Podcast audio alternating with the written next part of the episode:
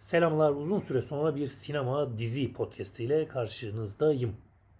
Bu kadar çok ara vermemin elbette birçok nedeni var. Ama bunları anlatıp sizi sıkmak istemiyorum. Çünkü çok ilgilendiren konular değil. İşte iş yaşamı, hayat gailesi vesaire vesaire gibi uzun uzun detaylı konular falan filan başka podcast denemeleri. Ee, o yüzden de uzun zaman sonra yeniden bir sinema podcast yapmaya karar verdim. Bu podcast'i yapmamı sağlayan şeyin 2-3 tane nedeni var. Onlardan kısaca bahsedebilirim. Bir hastalık geçirdiğim için eve kapandım o malum hastalık. Bu sırada da bol bol dizi, sinema, film falan izleyince aralarında birkaç tanesini de sevdim ve sevdiklerimden biriyle ilgili özellikle en çok dikkatimi çeken biriyle ilgili de konuşmak istedim. E, bu dizinin adı da New Amsterdam. New Amsterdam 2018 yılında NBC kanalında e, yayın hayatına başlamış. Hala devam eden 3 sezonluk bir dizi. E, dizi Erich Mannheimer diye bir doktor yazarımızın Bellevue Hastanesi'ndeki 12 hastanın yaşamı ve ölümü adlı romanından uyarlanmış bir eser. David Schumler tarafından uyarlanmış. David Schumler'i ben de çok bilmiyorum. Araştırdığımda Events gibi e, birkaç tane dizisi olduğunu gördüm. Yani izlemiştim birkaç bölüm ama çok da saran diziler değildi. Fakat bu e, medikal drama dizisi temelinde aslında gerçek olayları yani gerçek e, hikayeleri konu alması konusuyla birazcık daha cezbedici duruyordu ve bir miktarda e, ilk bölüm özellikle pilot bölümü etkileyiciydi. Şimdi aslında bu konuşmayı birkaç e, bölüme bölerek yapacağım. Çünkü tek bölüm üzerinden yaptığımız zaman genelde şöyle sorunlar oluyor e, anlattığım şeyler çok dağılıyor. O yüzden ilk bölümde önce bir kısacası bir hikayeden bahsedeyim. Bu dizi nedir, ne değildir, nasıl benim hayatıma girdi. Şimdi ben zaten medikal drama dizilerini seven biriyim. Beni bilenler bilir. E, House MD'nin özel bir fanıyımdır. Hala da izlerim. Hekimoğlu'nun hala birçok bölümünü açıp izliyorum. House MD'yi de yeniden hani izleyememek için aynı diziyi bir daha izlemeyeyim diye. Onun en azından kopyalanmış halini tekrardan izliyorum. E, medikal dramaları sevsem de aslında sonradan şunu fark ettim. Birçok medikal drama izledim ve House MD dışındakilerin çoğu beni bir şekilde sarmadı. Yani ikinci bölümünde falan bıraktım. Hani çok fazla ileriye gidemedim. Çoğunda yarım bir şekilde durdum. Ee, bu New Amsterdam ise bir şekilde benim dikkatimi celbetti. Netflix'e gelmeseydi aslında çok haberim olmayacak bir televizyon dizisiymiş bu.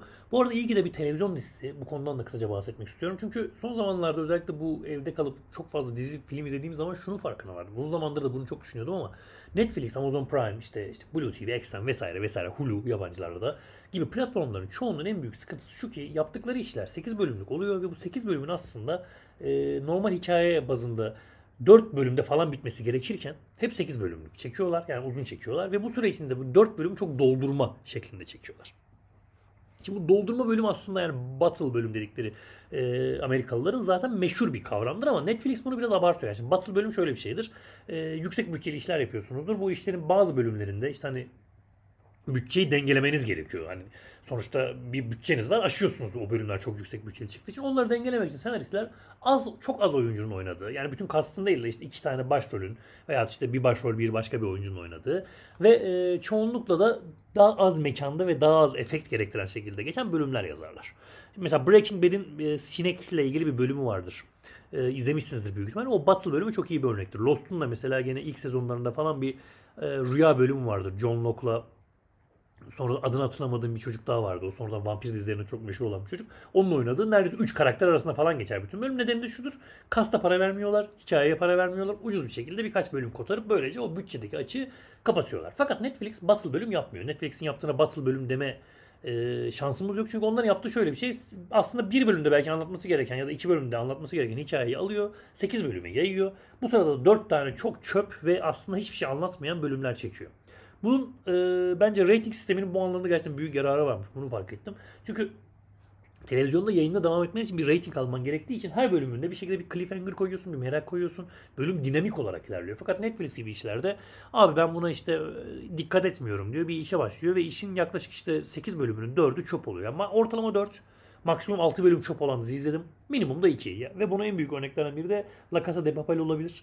Ee, iddia ediyorum ilk iki sezonunu izleyin. Bir de sonraki Netflix'teki iki sezonunu izleyin. Ne kadar fark olduğunu göreceksinizdir. Yani ilk iki sezonundaki o hani seyirciyi tutan, seyirciyi sürekli kendini bağlı tutan hikaye Netflix'te gene tutmaya çalışmışlar ama mesela 8 bölümün 4'ünde falan tutuyor. ikisinde falan şey yani hani işte öyle sallapati falan şeklinde az minimum e, kötü bölümü var ama gene de o 8 bölümün 8'de insanı sonuna kadar bağlı tutan bölümler değil. Neyse bu konumuz dışında bir şey.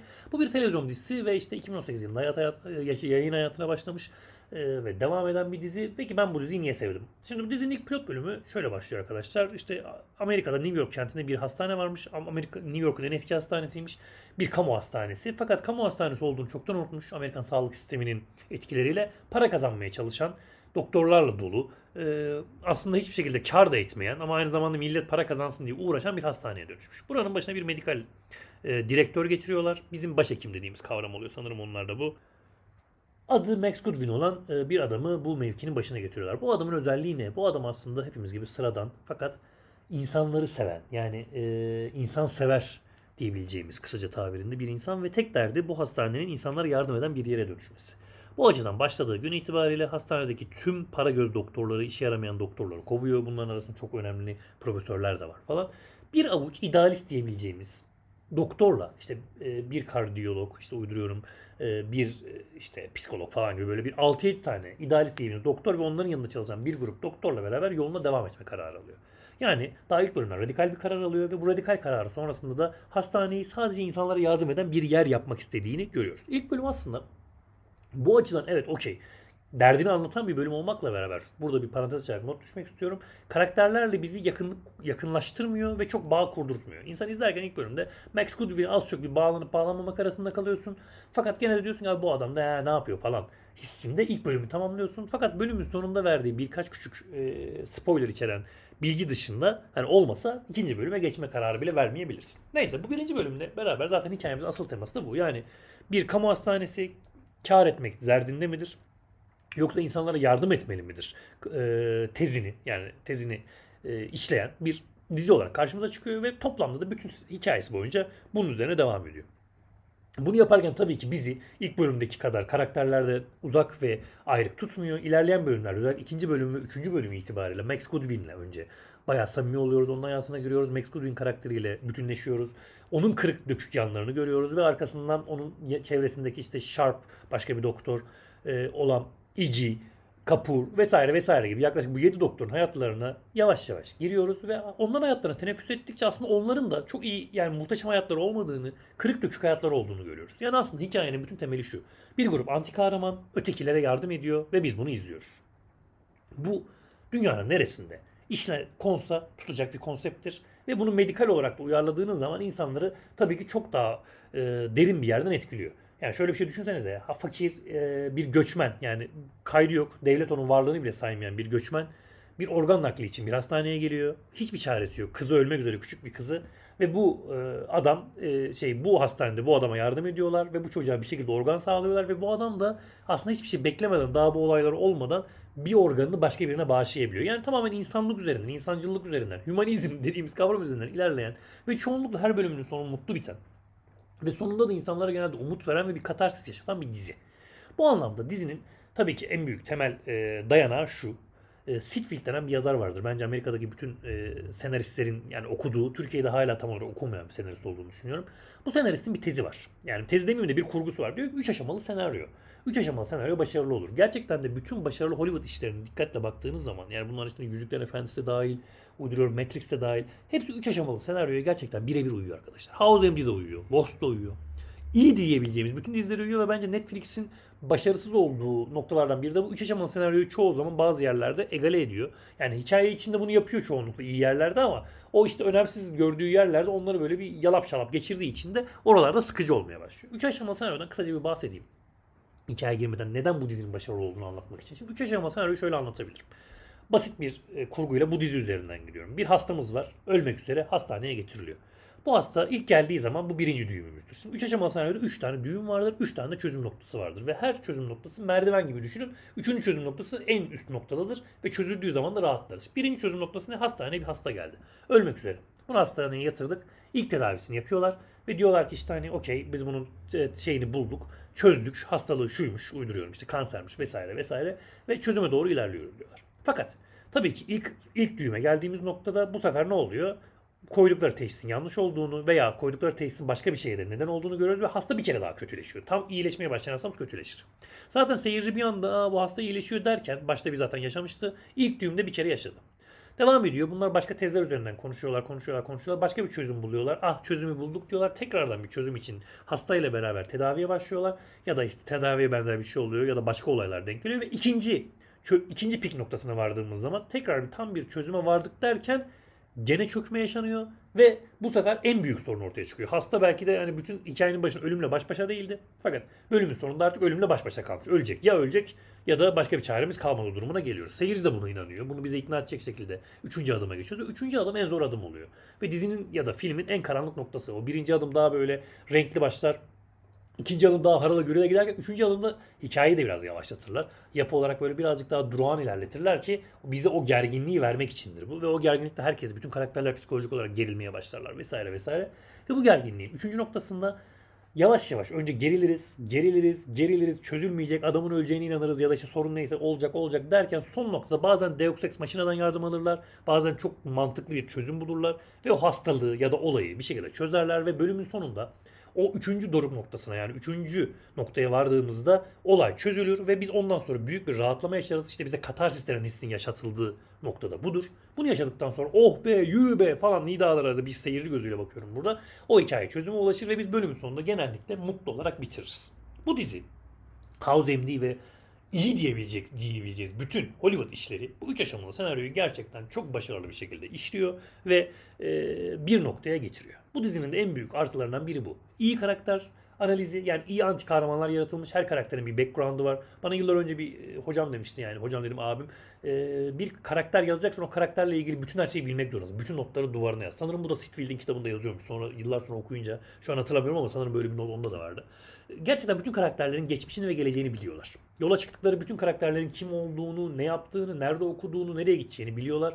Ve bu yüzden de bu karakterlerle bir hikaye kurdukları zaman hikayenin işlememe şansı yok. Tabii ki bunlar dizinin e, dramatik yapısı üzerinden izlenmesi için sebepler. Tabii ki bu tek başına bu diziyi burada anlatmamın nedeni değil. Aslında dün bu podcast yapmış olsaydım tek nedeni buydu. Fakat bugün sabahleyin bir bölümüne daha denk geldiğim zaman kafamda bazı şeyler daha böyle e, renklenmeye ve aydınlanmaya başladığını fark ettim bu diziyle ilgili.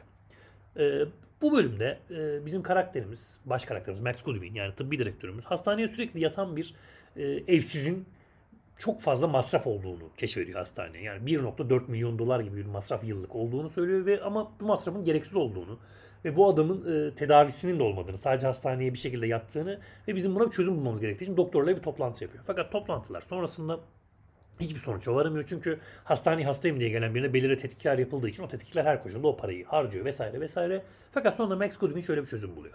Gidiyor diyor ki sana bir reçetem var diyor ve bu evsiz adama bir ev veriyor. Hastaneye gelme nedeninin evi olmaması üzerinden kuruyor. Buraya kadar tabii ki hani çok bildiğiniz humanist işte e, diyebileceğimiz insansever bir hikaye. Evet okey. Fakat burada has tabii ki bizim e, böyle hikayelerde tıbbi direktörümüzü denetleyen biri olmazsa olmaz. Nasıl ki Hauser Lizakadi onun tıbbi direktörü denetliyorsa burada da bizim tıbbi direktörümüzü bir dekan denetliyor. Ve bu dekan gelip diyor ki ne yapıyorsun Max yani böyle bir şey olabilir mi? Biz adamı ev mi tuttuk? Hani biz hastaneyiz. Böyle bir hizmetimiz olduğunu bilmiyordum. O da diyor ki dekanım çok daha fazla para kazanacağız. 1.4 milyon dolar gibi bir bütçeyi kazanacağız. Hatta diyor ki dekan buna ya sen parayla ilgilenmezdin ne oldu? O da diyor ki eğer bu parayla daha fazla hasta kurtarabileceksem ilgilenirim. Vesaire vesaire. Burada dekan ona diyor ki şöyle bir söz söylüyor. Max bu yaptığın sosyalizm. Ve diyor hani sen çalışmayan birine bir ev veriyorsun ve biz bu adamın evini karşılayacağız ve karşılığında hiçbir şey almayacağız diyor. Evet bu aslında temel olarak baktığımız zaman sosyalizmin varması gereken nokta. Ve sosyalizmin yıkılmasıyla ilgili de gösterilen noktalardan biri bu arada. Hani e, sosyalizmde işte hani kazak kulaklarının çalışmayıp para e, ve çalışmayıp aslında geçindikleriyle ilgili bir hikaye vardır bununla ilgili de. Hani bir list yani sosyalizmle ilgili inceleme yapanların bildiği bir hikayedir. Ya da sosyalizmin yıkılma nedenlerinden biri hep bürokrasi ve çalışmayanların aslında hala herkese eşit olması vesaire gibi söylentiler vardı. Bunlar bir kısmı kısmen doğrudur belki olan sistem içinde ama toplamda aslında tüme varımda çok doğru bir sonuca varmamaktadır. Velhasıl kelam ben burada Dedim ki aa evet bu bir sosyalizm. Ve sonra bölümleri tekrar bir gözden geçirdiğim zaman ve dizinin ilerleyişini gözden geçirdiğim zaman bu adam Max Goodwin aslında bu hastanede bir çeşit e, sosyalist bir hastane kuruyor. Ya bu dizinin zaten temeli belli. NBC zaten biraz Amerika'nın e, radikal e, kanallarından yani hükümet karşı kanallarından biri olduğu için ve ekibinin de göz önüne alınan oyuncuların çoğu da zaten radikal tiplerden oluştuğunu göz önüne alınca diyorsun ki evet bu dizi Amerika'nın sağlık sektörünü eleştiriyor. Çünkü Amerikan sağlık sektörü zaten çok sorunlu bir sektör. Yani bununla ilgili Fahrenheit diye bir belgesel var izleyebilirsiniz. Gerçekten e, çok başarılı bir belgeseldir. Çok yıllar evvel Michael Moore'un bir belgeseli. Orada da göreceğiniz bu. Hani onun sistemini görünce falan ben şey demiştim. Düşün o Michael Moore izleyince. Türkiye'nin sağlık sistemi çok iyiymiş. Demiştim ama biz de o doğru gidiyoruz ama hani o hala o kadar da değiliz. Bunu eleştiren bir ama bu artık bunu eleştirmenin dışında e, ikinci bir boyut katmışlar diziye ve bir aslında ütopik sosyalist hastane kurmuşlar. Ve bunun üzerine ilerliyor. Yani buradaki bizim Max Durbin burada ütopik sosyalist bir hastane kuruyor. Bütün kararlar evet bir diktatör vardır zaten sosyalizmde. İşçi diktatörlüğüdür. Hani e, Max Goodwin'den çıkıyor ama bütün kararlar verilirken herkes ortak. Her seferinde dikkat ediyorum. Bir şekilde herkes ortak işleri çözüyor. Yani mesela normal hastane dizilerini düşünün ya da mesela House'u düşünün. Her şeyin çözümü House'dadır. Burada öyle bir şey yok. Her şey çok net. Bir e, kanser hastasıyla bir kanser hastasıyla uyduran bir psikolog beraberleşip bir şekilde çözüyorlar. Yani her şekilde bir komünel e, yaşam ve komünellik üzerinden giden hikayeler besliyor alt metninde dizi. Ve bunu yaparken mesela sürekli göçmenlerle ilgili, zencilerle ilgili, e, yaşlılarla ilgili, evsizlerle ilgili, fakirlerle ilgili binlerce hikaye işliyor ve bu istediği binlerce hikaye içinde de her seferinde şunu yapıyor. Diyor ki biz bu insanlara bakmak zorundayız. Ve biz bu insanları yaşatmak zorundayız üzerinden gidiyor. Ve bu noktada da aslında aklıma Hastanenin ismi New Amsterdam demiştim. Bu kitapta bu hastanenin ismi Bellevue Hospital. Kitabı okumadım bu arada. Türkçesi yok. Keşke olsaymış. Okumak isterdim. Bellevue Hospital gerçekten New York'un en eski hastanesi. Burada hastane aynen Bellevue Hospital'da çekiliyor dizi ama hastanenin ismini New Amsterdam olarak değiştirmişler. Belki bunun yasal bir nedeni vardır bilmiyorum ama size şimdi başka bir hikayeden bahsedeceğim. Ve bu hikayeyi dinlediğiniz zaman e, bilmiyorum bana katılacak mısınız ama bazı benzerlikler görecek miyiz? Ütopik ya sosyalizm hepiniz duymuşsunuzdur ama ütopik sosyalizm denen bir e, sosyalizm biçimi vardır. Aslında tabiri şu, bilimsel sosyalizmden en büyük farkı şu. Kısaca özetlemek gerekirse e, temelinde bilimsel kanıtlara dayanmıyor. Yani sosyalizm diyor ki işte kapitalizm belirli bir vahşiliğe ulaşacak ve bu işte işçi sınıfı hareket edecek vesaire vesaire. Marx'ın tezinden bahsedersek hızlıca. Fakat ütopik sosyalizmin e, dayandığı şeyler daha cici şeyler. Ya cici dediğim şöyle şeyler. İnsanın iyiliği, insanın niyeti, insanın hayırseverliği birleşecek ve bir şekilde e, sosyalist bir yaşama geçeceğiz diyecek. Daha çok sonunda aslında bir sosyalistlikten çok sosyal demokratlık e, kıvamında kalsa da ya da hani bir e, sosyal sosyalizmin çok daha light bir halinde kalsa da temelinde bunu barındıran bir sistem. Bunun bir çok savunucusu var ve bunun öncülerinden bir tanesi de Robert Owen denen bir insan. Robert, Robert Owen e, kendisi sanırım İrlandalı mı? İrlandalı olması lazım. İrlandalı bir kişi. Bu arkadaş e, ütopik sosyalizme temelden bağlı işte e, di, dini şeyler çok güçlü olmayan bir kişi ve yaşadığı yıllarda 1700'lü yıllar yani Fransız devrimi sonrası zaten ütopik sosyalizmin çıkışı da Fransız devrimi sonrasına dayanıyor. Robert Owen'ın bir projesi var arkadaşlar. Bu projenin adı New Lanark. Yani bu bir proje olarak adlandırılabilirse öyle adı New Lanark. Peki nedir bu New Lanark diye bahsedersek Robert Owen işte kendisi işler yaparken e, bir gün İngiltere'ye geldiği sıralarda işte bu New Lanark'ın sahibinin kızıyla tanışıyor, aşık oluyorlar, evleniyor falan. Sonra tabii ki burada burada hak sahibi oluyor ve burayı yönetmeye başlıyor. Fakat bu adamın kafasında da hep bu işte hani insanlar eşit olmalı, insanlar bir şekilde herkes her şeyden hakkını almalı vesaire kafasında bir adam. Ve bu Neil Lanark'ın başına geçtiği sırada, tabii ki tek başına geçmiyor. Birçok ortaktan biri olarak başına geçtiği sıralarda burada gerçekten de ilk ütopik sosyalist fabrikayı kuruyor. Ya bu ne demek oluyor? Bu şu demek oluyor arkadaşlar. Fabrikanın içinde her şey komünel.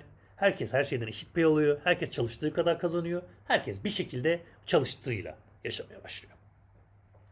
Ve Nil projesi gerçekten de dönemi için çok önemli bir proje haline geliyor. Hatta felsefe kitaplarında da hala okutulan bir proje. Çünkü ütopik sosyalizmin en önemli hikayelerinden biridir. Bu burada gerçekten işçiler çok mutlu olmaya başlıyor.